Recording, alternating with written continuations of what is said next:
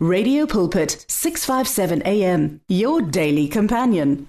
Happy, happy, happy, happy new year to you. My name is Pastor Kenny Mukwena. And it's time for you to experience the blessing. Father, in the name of Jesus Christ, we thank you for this amazing year, Lord God, that you have given to us. What a privilege that we have seen this new year. We thank you so much for the plans that you have for us plans to prosper us, to give us a future and a hope. We thank you that our expectations in you shall never be cut off in the name of Jesus Christ. We thank you, Lord God, that this is one of the best years we have ever had in our lives. We thank you for everything that you are going to do in our lives this year in the name of Jesus Christ.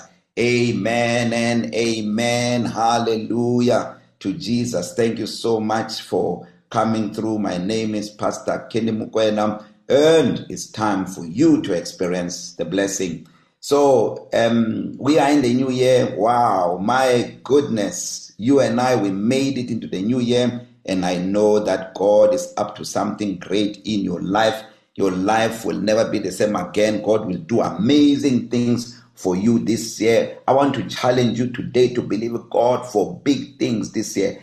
Raise your expectations so high. Dream big and think big and believe that God is up to something. So God has got great plans for you this year. You must believe it that you will walk in divine purpose this year more than ever. That God Himself will bring it to pass. When you read the Bible in the book of Jeremiah 29, verse 11, which is what I want us to reflect on today, it says, I know the thoughts that I think towards you, says the Lord, thoughts of peace and not of evil, to give you an expected end. So God, you know, always wants us to dream big, to think big, to have an expectations in Him. Of course, God has got a vision and a plan for our lives, but we must align ourselves to that vision and to that plan of our lives. And when you read Ephesians chapter 3, verse 20, it says, Now unto Him who is able to do abundantly, about exceedingly and abundantly above all that we can ask or think, according to the power that works in the inside of us. God speak about you know, doing exceeding and abundantly what we what we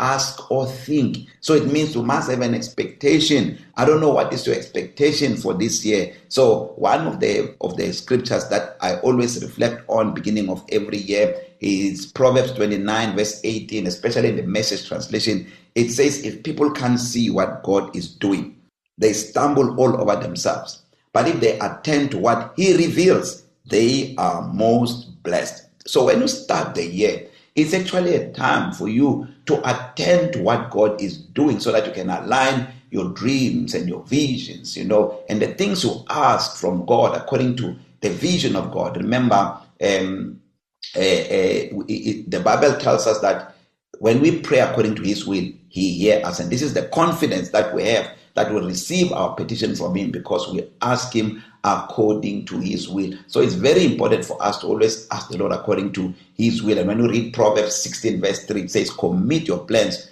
to, to the Lord. In the Amplified, it says, He will cause your thoughts to become agreeable to his will, and so shall your plans be established and succeed. It's important for us to understand divine purpose because in this verse that we are looking at, uh, Jeremiah 29 11, God says, I know the plans I, I, I have towards you, the plans. So it's important for us to know the plans of God, to know the plans that God has towards us. You must also remember the Bible in the book of Ephesians, chapter 2, verse 10, it says, We are God's workmanship, created in Christ Jesus to do those things which God prepared ahead of time, taking paths that He has prearranged and made ready for us to walk in. So God has prepared a path for us. It's very important for us to know that God has prepared a path for us. It's very important for us to know that God has got plans for our lives. He's got a purpose for our lives so that we align ourselves to that purpose. A lot of people get disappointed because they write big things in their journals, you know, have a list of, of big things that they want to have, but they never take time to reflect on what God's plans for their lives is, what God wants to accomplish through them, what is divine purpose. So, in our desires and our dreams and our goals, it's very important for us to understand divine purpose. Look also at Romans 8:28. It says, "And we know that all things work together for good to those who love God and to those that are the called according to his purpose. This verse is a very, very big verse, which, if we can understand it as we begin the year, I tell you, there is no way we can finish the year without accomplishing you know, the will of God for our lives because this verse shows us that, you know, people who love God and are called according to his purpose, God causes all things to work together for their good and they know it.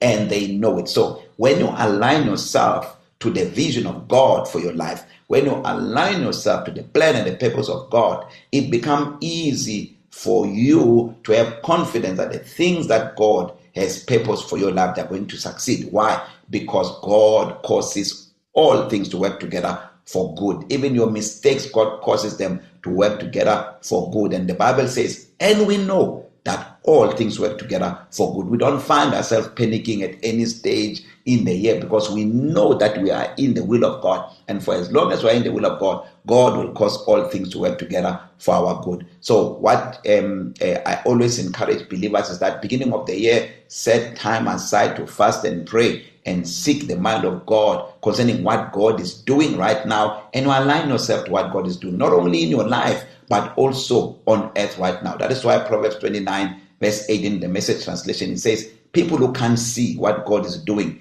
they stumble all over themselves. But if they attend to what He reveals, they are most blessed. So if you don't take time, beginning of the year, to fast and pray and separate yourself and seek God, you will run ahead of God. And I tell you, you will hit a, a wall. You will look back at the end of the year and you can't see any evidence of God's working in your life. So I'm encouraging you today to say, we are today is the fourth of um, of January.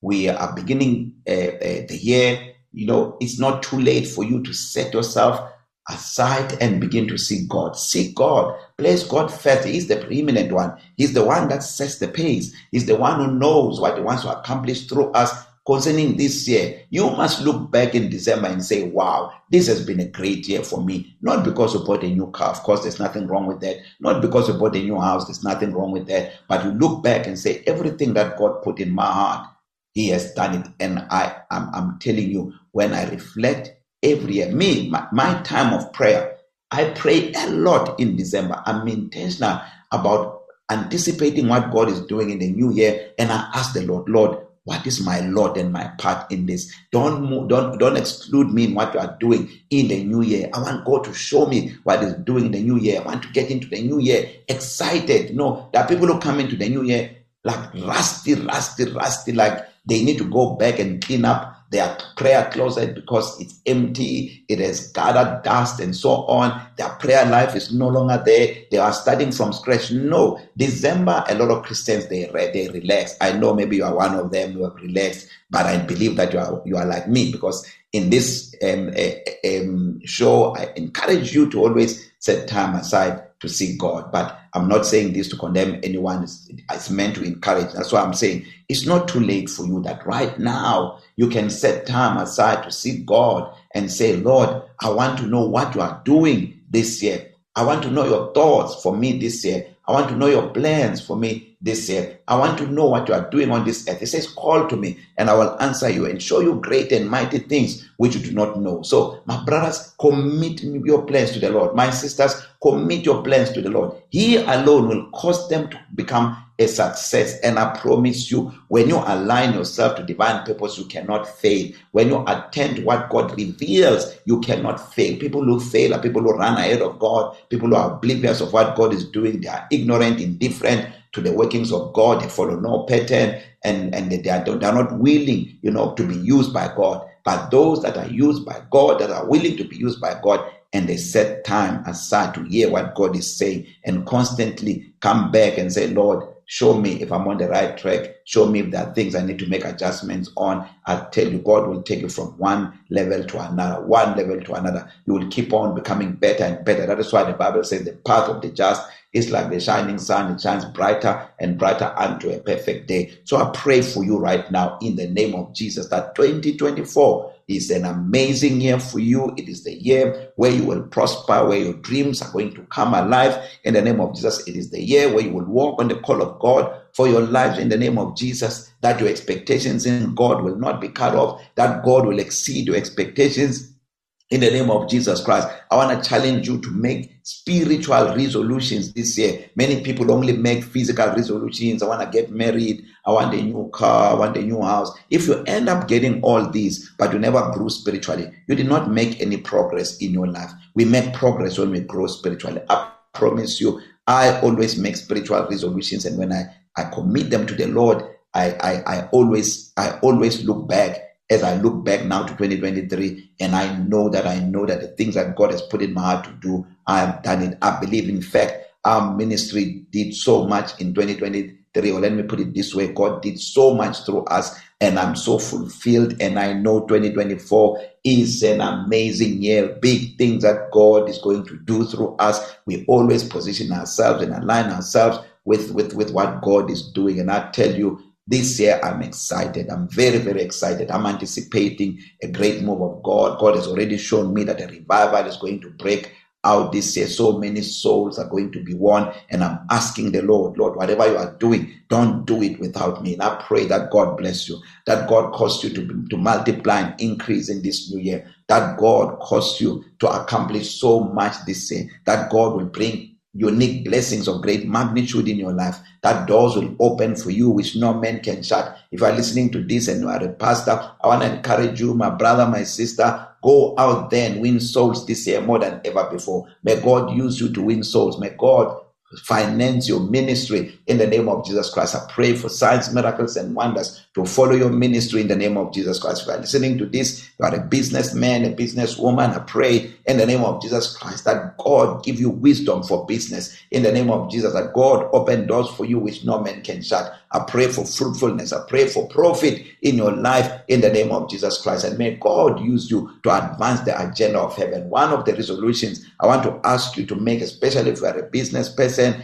and you are working, make sure that at least 10% of your income serves God. Minimum, minimum, bare minimum from gross that 10% of your income, serve God. Serve God with your time, serve God with your treasure, serve God with your talent because Jesus Christ is coming back soon. And when he comes back, he must find you having gathered a harvest to eternity. So many people live life, they are not interested in God and what God is doing. They don't know that by the way we live on this earth, that's how we're going to spend eternity. Be aware we are living in the last days. Jesus Christ is coming back very soon. When he comes back, he must not find you so consumed about your own life and you have no interest in what he is doing. You find yourself that when he comes, he finds you not ready. So I'm encouraging you, my brother, my sister, in your resolutions, make sure that you have spiritual resolutions. Seek God and say, Lord, what do you want me to do this year? What are you calling me to do this year? And then you commit whatever is going to say back to him and say, Lord, you will be, you are the one who's going to make it succeed. I avail myself to serve, avail myself to make a difference. Acts 10:38 will become a reality. I will do exactly what Jesus Christ did.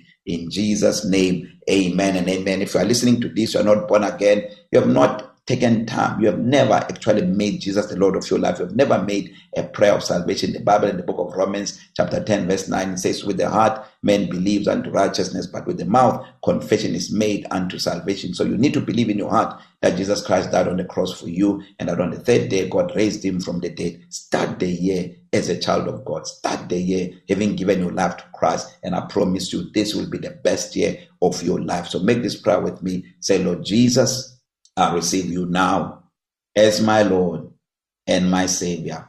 Amen and amen. If you made that prayer born again, or my brother or my sister, I will see you in heaven. So please participate in the prayers of your church. If you uh, if you just got born again, make sure you, you you you pray and ask God to lead you to a church which preaches Jesus, where Jesus is the center of that church. Participate in that church, serve in that church. Allow God to use you in that church. Allow God to raise you up and stay in that church. Don't find yourself now moving from one place to another. The moment you connect to that church and Jesus is being preached and you're being nourished in your spirit and there's prayer happening, stay in that church and begin to grow. I wish you a very prosperous 2024. I pray in the name of Jesus that God will make things happen for you. God will change your life. You will hear His voice clearly, and your life will never be the same again. Remember to be a blessing this year. You know, if you have, if you have, if there are people that you have wronged, Go and apologize to them. If there are people that you have wronged, that have wronged you, please forgive them. Start the year on a good slate. I bless you. Happy, happy, happy 24. In the name of Jesus Christ. Happy, happy 2024 in Jesus' name. Amen and amen. God bless you. The words of the Lord are words of life. Your heart is on 657 AM. 657 AM. Radio for believers in action.